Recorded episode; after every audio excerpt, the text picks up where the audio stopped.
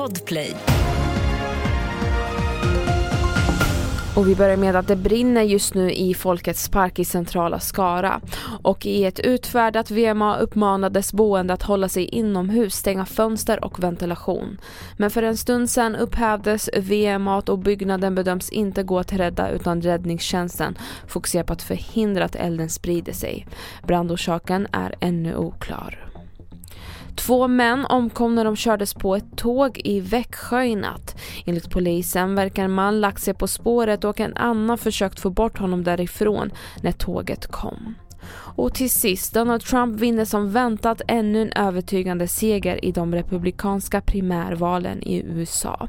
Vi hör utrikeskorrespondenten Thomas Kvarnkullen. Det har egentligen inte tagits emot med någon större förvåning här i South Carolina eller i övriga USA heller för den delen att Donald Trump vann här med ganska stor marginal. Men det vi väntar på det är supertisdagen den 5 mars. Då är det flest delstater som röstar och skulle de här framgångarna för Trump eh, fortsätta på samma sätt, ja då kan han vara mycket nära då att ha säkrat partiets nominering.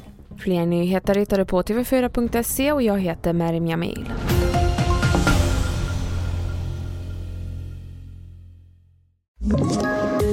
Poddtips från Podplay.